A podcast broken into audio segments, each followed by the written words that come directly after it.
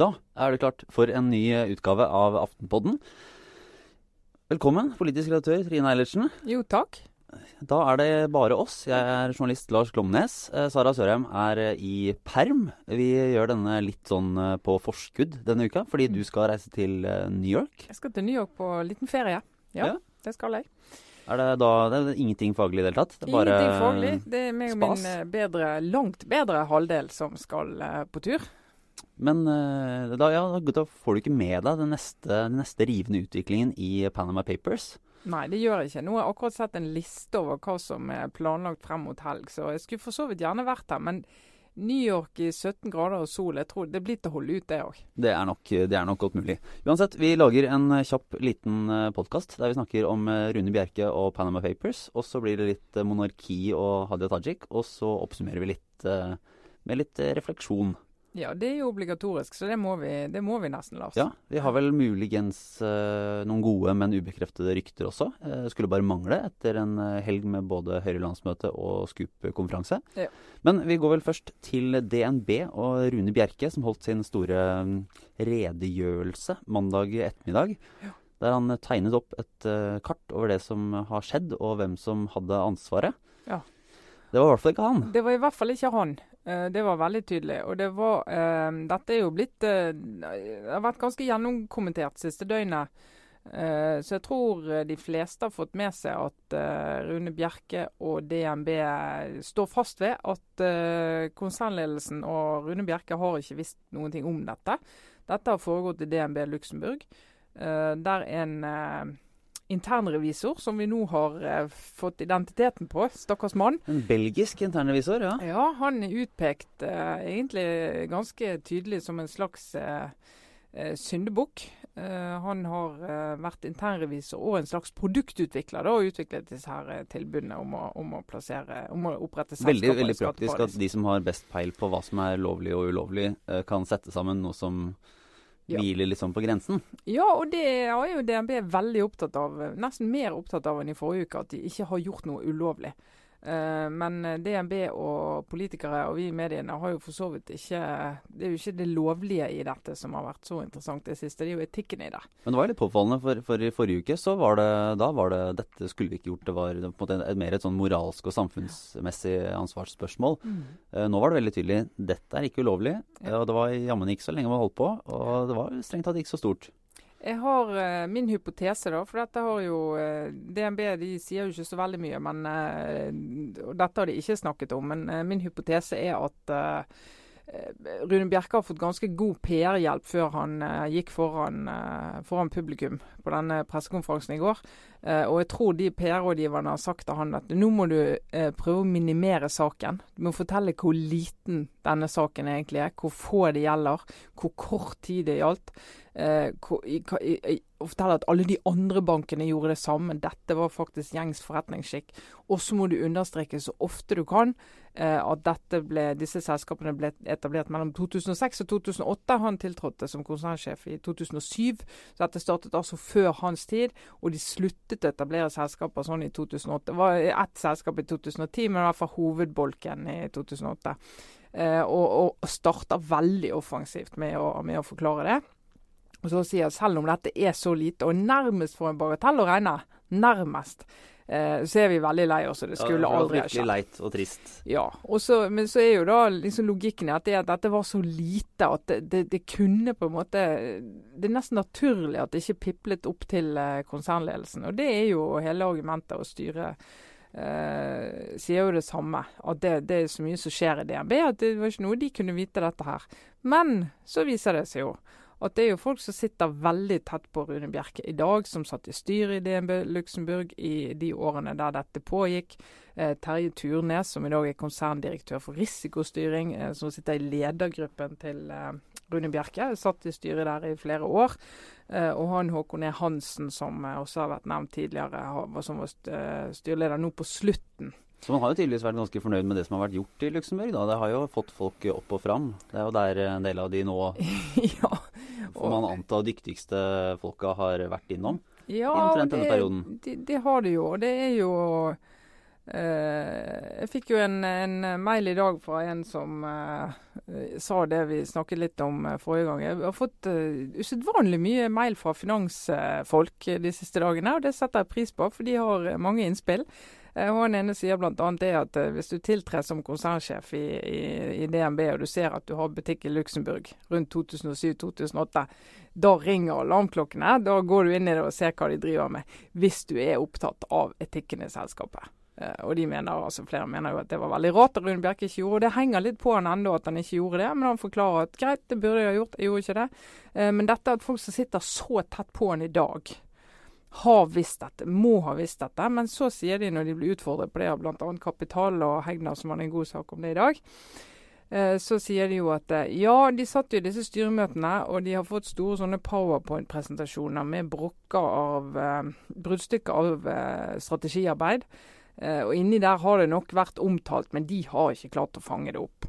Eh, men som eh, Hegnar sin journalist sier i dag, så et selskap med 30 ansatte de har også en så omfattende strategi at det er vanskelig for styret å få med seg alt som står i den. Og det er klart at det er jo et godt spørsmål. Det, det, det står rett og slett ikke til troende at det går an å være så fjern at du ikke får det med deg. VG mente jo også å kunne konstatere at sånn Terje Turnes har, har visst om dette ja. skatteparadis. Uh, Eh, plasseringene, selv om de vel foreløpig eh, ikke har kommentert dette, og Turnes selv ikke har, eh, har uttalt seg. Og hvis, hvis, det er sånn som jeg mistenker, da, at DNB og Rune Bjerke har hatt god PR-hjelp på dette, så er det jo rart at de ikke benytter anledningen under pressekonferansen i går og sier at uh, Terje Turnes sitter faktisk i salen og hører på nå. Uh, og han har sittet i dette styret. Han uh, har eh, deltatt i det styrearbeidet som vi da egentlig sier har vært veldig slett, for de har ikke fått med seg vesentlige deler av virksomheten som har foregått der. Men de venter, istedenfor å si det og fortelle om det og være åpne om det, så venter de til journalistene finner ut av det, og så blir de skjøvet inn inn i en ny skanse. Og det er jo der, Hvis PR-rådgiverne har gitt råd om det, så må de trekkes i, i salær. Men uh, nå, vi, nå, nå, beveger jeg meg langt inn i spekulasjonen uh, her. Men eh, det, det, det, er det verdt å, å spørre om. Jeg bare lurer på, altså, Det at Terje Turnes dukka opp på denne pressekonferansen, satt i salen.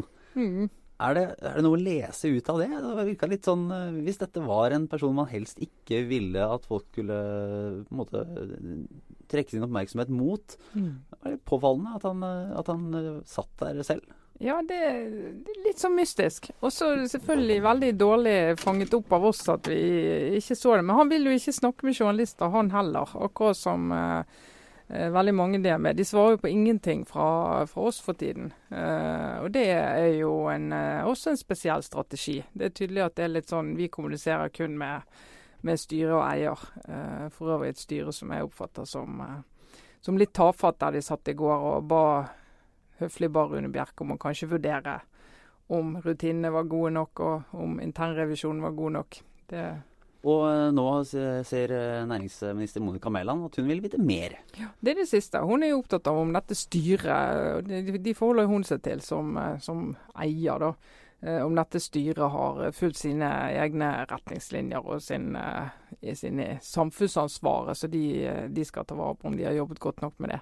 Og så har jo Erna Solberg sagt at hun er opptatt av hvem det er som har tatt disse beslutningene. og Uh, altså hvordan dette kunne skje i større detalj. Jeg tror ikke de føler de har fått nok detalj på det, men nå skal de jo fortsette å lete etter dette. da. Men det skal ikke bli noen heksejakt, sier uh, Rune Bjerke. Ja, det er veldig viktig. Det skal det i hvert fall ikke være. Det skal i hvert fall ikke bli det. Så vil kanskje han internrevisoren i Luxembourg føle at han uh, blir jaktet på nå. Det er vel ikke en redaksjon i, i, Norge som ikke har prøvd å få tak i han det siste døgnet. Så. Og ikke minst denne personen som også fikk, visstnok fikk fyken i var det 2008 for mm. å ha gått litt langt i å anbefale eller påpeke de skattemessige fordelene ved å plassere pengene sine på, på Seychellene eller et eller annet tilsvarende. mm. tilsvarende. Mm. Men uh, dette vil jo få noen uh, Ser man noen politiske konsekvenser? Er det noe, synes du det er noe forskjell i hvordan partiene nå tar, tar tak i dette, eller, eller, vegrer seg for å ta tak i dette? Altså De som har det lettest, er jo SV, som har vært uh, veldig tydelige på dette temaet i mange år. og jeg, tror faktisk de får godt med oppmerksomhet eh, rundt sine, sin politikk på, på, dette området akkurat i disse dager, mer enn de ellers får. Uh, jeg var faktisk med i en podkast som SV laget før helgen. Hvor de inviterte, ja, inviterte inn, vet du, så jeg kunne snakke med Lysbakken. Det har du ikke sagt noe om. Det har vært utro ja. mot Aftenpodden. og snakket om eh, Panama Papers. Så det er klart det SV har vært opptatt av i flere år, det er jo skatteunndragelse. Eh, skatteparadis og hemmelighold.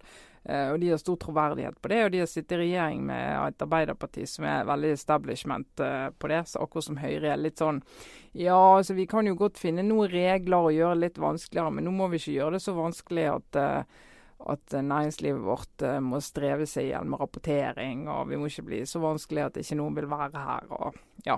Men SV var jo eh, En ser jo nå at de, de, eh, går hardt på dette, og de har jo en lang historikk med å, å gå mot uh, disse skatteordningene og skatteparadisene. Men det var nå en gang sånn at Kristin Halvorsen satt som finansminister i en periode da dette mm. faktisk var, var godt på, på, gang. da, Og for alle hennes, all hennes klaging nå om at hun sa fra i 2007 så tok jo departementet bare videre denne, dette punktet med at uh, det var DNBs annonser uh, om mm. uh, sekretessen i Luxembourg, ikke selve produktet, ja.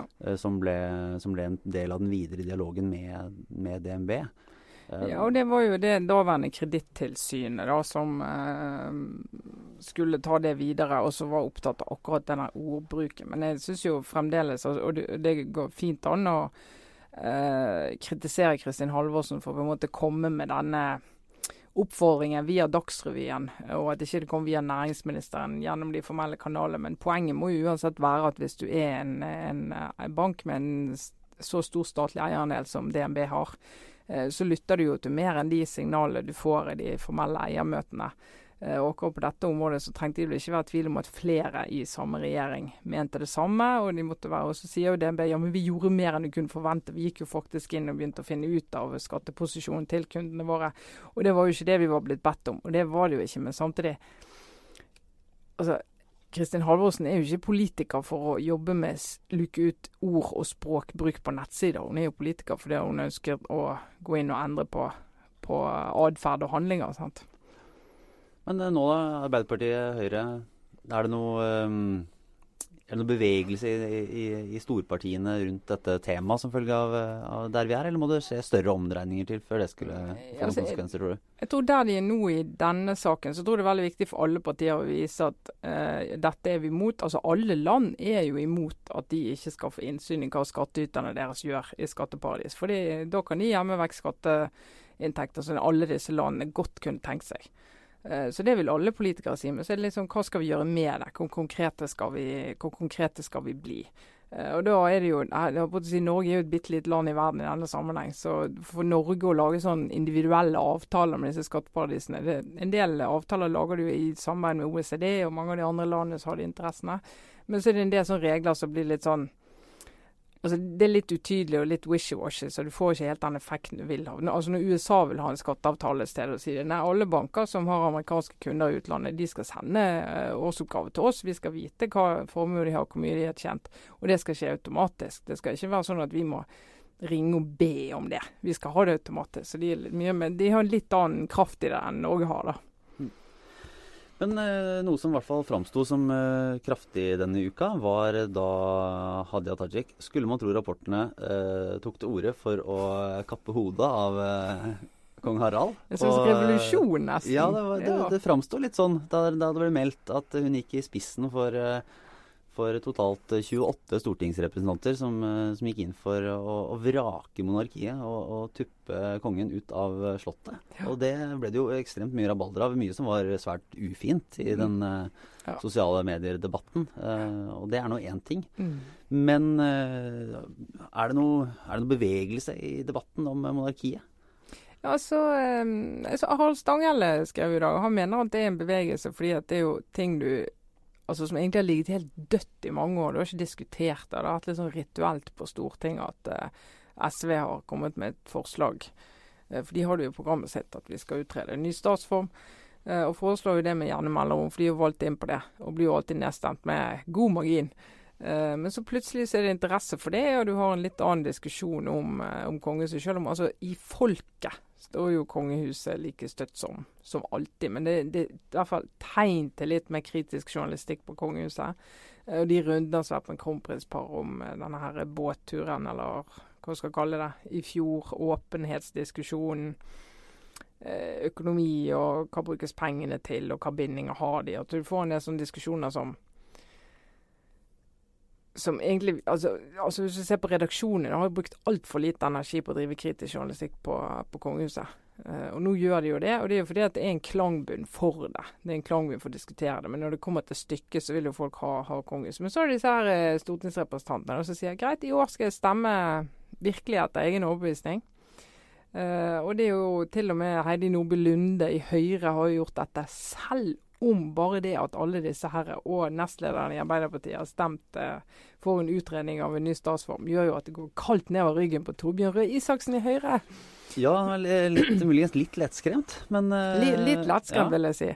Uh, får nesten følelse av at han ser for seg giljotinen og revolusjonen rett rundt hjørnet. For det som, var, det som lå i, i papirene, var, var, en, var, en, utredning, ikke så? Altså, man, skulle, man skulle se på uh, mulig erstatning. Ja.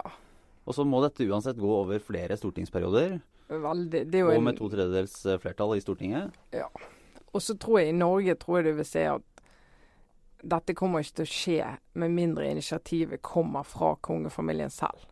Men hvor mye må til før, altså hvor mye politisk motstand må til før, uh, før kongehuset kanskje tar de signalene? Nå var det jo det ble gjort et nummer ut av at uh, Nå er ikke jeg helt fintelt dette her, men at det var 80% av Ap-representantene under 40 år. altså mm. liksom, Stort sett uh, den, en hel liksom, generasjon av Arbeiderpartipolitikere som nå er republikanere og ville stå for det i Stortinget. Hvis det er, hvis det er et frampek, så vil det jo ikke ta så lang tid før før signalene fra politikerne tross alt vil være tydelig. Og, mm. og selv om det ikke er to tredjedels flertall og bare er en sånn 50-50 fordeling, så, så, vil det jo fort det vil bli et ganske klart signal til kongefamilien eh, potensielt. Ja, jeg prøver å tenke, Hvis jeg var, hvis jeg var i kongefamilien, eh, så sitter du ikke og venter på å få to tredjedeler i Stortinget mot deg for andre gang. Eh, du tar jo signalet før den tid, så du må jo på en måte se altså hele samfunnsdebatten under ett. Hvis du ser at nå begynner det egentlig, vi kommer dit at vi har ikke den legitimiteten vi behøver. Eh, og så har jo jeg alltid tenkt at hvis dette kongehuset blir avviklet, så er det fordi at de kongelige finner ut at dette er jo ikke et liv å leve. Vi kan jo ikke ha det sånn. Vi kan jo ikke ha det sånn at barna våre er så begrenset. Uh, at de har så sterke begrensninger på, på måten de kan leve livet sitt på, på hva de kan gjøre og valgene de kan ta. Uh, og at det, mediepresset blir stort. og altså Alt det som, uh, som, det som er kongefamilie i dag, som er en slags sånn internasjonal, glamorøs jetsett-klasse. Altså Det er liksom ikke den litt tilbaketrukne verdigheten som det var for 10-20-30 år siden. Jeg husker jo kong Olav, gjør du? Ja, jeg husker han døde i hvert fall. ja. Men uh, det, var vel, det, var vel, mulig at den tilbaketrukne verdigheten hadde fått en riper i lakken hvis folk var villige til å gå inn og se hva pengene var brukt på den gang også, uten at en skal anklage noen som Garantert. Men, men det var det i hvert fall ingen som gjorde da. Men nå gjør jo sant, Dagbladet gjorde det, og fikk, fikk høre det fra ikke minst Høyre-politikerne som Ja, det gikk vel kaldt nedover ryggen på noen? Kaldt nedover ryggen på ja. mange. Det var litt sånn fascinerende, egentlig. Og, ja. Mm. Uh, jo, men det var det jeg skulle si. Uh, nå har jo både politisk redaktør i Dagens Næringsliv, uh, Kjetil Blakstad og, og, og, BT, Bergens Tidende, din gamle avis, har mm. kommet ut altså, At Kjetil var republikaner, har ikke vært noe, noe hemmelighet, akkurat. Nei. Bergens Tidende gikk ut klart på lederplass og, for republikk. Ja, det gjorde de, og de gjentok jo. Jeg har jo vært politisk redaktør og sjefredaktør i BT før, og vi visste jo det at BT i 1905 sto sterk og klar og sa at eh, kongehus det trenger vi ikke i Norge. Så, så, gjentok de det da i 2014. I min tid diskuterte vi det jo òg, men det, det, har jo alltid vært litt sånn avhengig av hvor sjefredaktøren står. I sin liberale avis så er det litt veldig avhengig av hvor sjefredaktøren står. Uh, og det er jo en av mine, vil jeg si, uh, forsømmelser at ikke jeg uh, tok det opp på lederplass da jeg var sjefredaktør, for det kunne jeg ha gjort. Ja, nettopp, ja. Gjentatt standpunktet fra 1905. Men nå, men nå i, i Aftenposten? Nå, nå, er vi i Aftenposten. Aftenposten er en konservativ avis. Eller har et konservativt konservativ tradisjon. Uh, og det er nok mye vanskeligere for Aftenposten å innta et sånt standpunkt enn det var for Bergens Tidende. Uh, og sjefredaktøren i Aftenposten jo, uh, sier det at Aftenposten er for monarkiet. Eh, og da er det sånn i disse avisene at da er, spiller det ikke så mye rolle hva politisk redaktør mener om det. Eller hva en skarve podkast mener. Eller hva en skarve podkast eh, mener. Eh, men jeg, jeg, tror ikke jeg avslører for mye hvis jeg sier at det er en, en del redaktører, en god del redaktører i Aftenposten som er republikanere. Nei, topp. Vi, eh, det, vi skal ikke holde på så altfor alt for lenge i dag. Eh, men det har vært en eh, Jeg vet ikke om det var en begivenhetsrik helg for, for, deg. Du var på Høyres landsmøte. Var det, du, du, var ikke der så lenge egentlig heller? var det det? Jeg var der bare fredagen og fikk med meg talen til Erna Solberg og skrev litt om den. Uh, og droppet landsmøtemiddagen, faktisk. Det var litt sånn familielogistikk og diverse. For en så. dom over uh, Høyres landsmøte. og uh, det, det, bør, det, bør, tas opp på, på, høyeste hold når folk begynner å si nei takk til, ja. til landsmøtemiddagen. Det er et det, vi, har jo, vi har sikkert sagt om det før, rangeringen av landsmøtene. Det jo, for det første så er det jo gøyest å gå på landsmøter når det er valgår og det er programbehandling. Og for det andre så er det jo eh, Morsomste landsmøtene er jo Venstre, Senterpartiet og SV. Sånn sosialt å være på. Og, Små partier, gode landsmøter. Ja, det er litt sånn. Ja. Eh, ja nei, jeg var jo på, på Scoop-konferansen i, uh, i, Tønsberg, som en årvis uh, hyggelig tradisjon. For der gravejournalister møtes og snakker hverandre ja, nå er det egentlig Man snakker vel seg selv opp og hverandre litt ned. Uh, selv om det har blitt en rausere Jeg tror det har blitt en rausere konferanse bare siden jeg var der første gang for fem år siden. Mm. Så det er faktisk litt mer kollegial uh, Jeg tror man sitter, føler at man sitter i, i, i samme synkende båt. Så du kan det, gratulere uten å gjøre det med sammenbitte tenner? Liksom. Ja, det var, det var nok det var noen uh, små trefninger utover lørdagen. av, av, bitterhet og eventuelt overmot, men, eh, men, tross alt ganske så god, eh, god stemning. Men jeg kan jo jeg kan bidra med et, et lite godt, men, eh, godt, men ubekreftet rykte. fordi det er også en sånn kveldsunderholdning på disse SKUP-konferansene. Så samles alle og, og møter ja, interessante intervjuer og folk som har deltatt i mediedebatten. Og det var litt forskjellig, men noe handlet også om om eh, DN-journalisten eh, Daniel Butenschøn og andre juksemakere i norsk presse. Og da hadde Scoop-styret forberedt seg på en eh, god og viktig gjest. Men skuffelsen var stor da Malte Sørensens kompanjong, denne svenske bruktbilselgeren, ikke møtte opp. Og det på tross av at han gang på gang hadde sagt at han var på vei. Så det var et eller annet Jeg tror han hadde sagt han også allerede var i bilen, men, eh, men et sted på det som antageligvis skulle være norskegrensen, så forsvant han helt. Det var helt umulig å få tak i ham. Og det var jo litt søtt da at hele at arrangementsgjengen klarte å bli såpass skuffet over at man ikke engang kunne stole på en svensk bedrageridømt bruktbilselger som skulle komme og snakke om hvordan han har jugd for både den og andre. Veldig bra. Men uh, ellers så var det ganske, var det ganske gemyttlig og, veldig hyggelig og, og stort sett uh, vellykket. Ja. Mye fin eh, journalistikk så jeg på.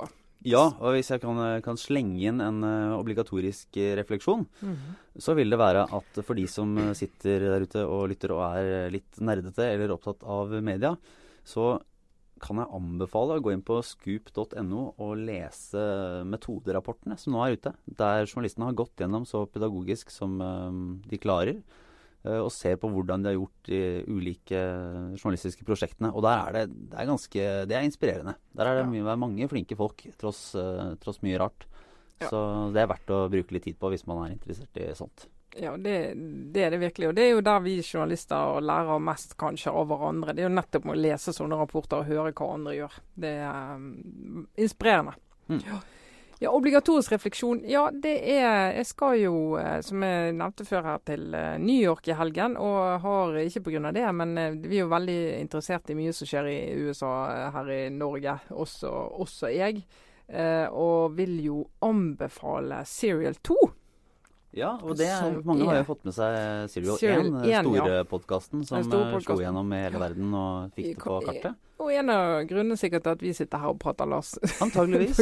gjennomslaget til, ut til de store masser, som vi, eh, som vi også appellerer til. vi skulle hekte oss ja. på det, som vi, som vi appellerer til, ja. Eh, men Serial 2 handler jo om eh, Bo Bergdahl, denne amerikanske soldaten i Afghanistan som plutselig en dag eh, spaserte ut av leiren. Eh, ble da selvfølgelig tatt til fange av Taliban. Fraktet til Pakistan og satt fem år i fangenskap hos eh, Taliban i Pakistan. og Det er ikke noe hyggelig.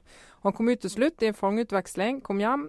Eh, og er en av de mest, eh, ja, må nesten si forhatte soldatene fra, um, som har vært ute for, eh, Ja, for det var, ikke USA. det var ikke noe jubel da han eh, Det var kom ikke noe hjem? jubel da han kom hjem. Det var ikke noen sånn frigjort helt som kom hjem. Uh, for det var jo da mange som måtte det var Hele greien var jo at han gikk ut frivillig av denne leiren. Han ble ikke angrepet sammen med bataljonen sin på veien og fanget og, og tatt.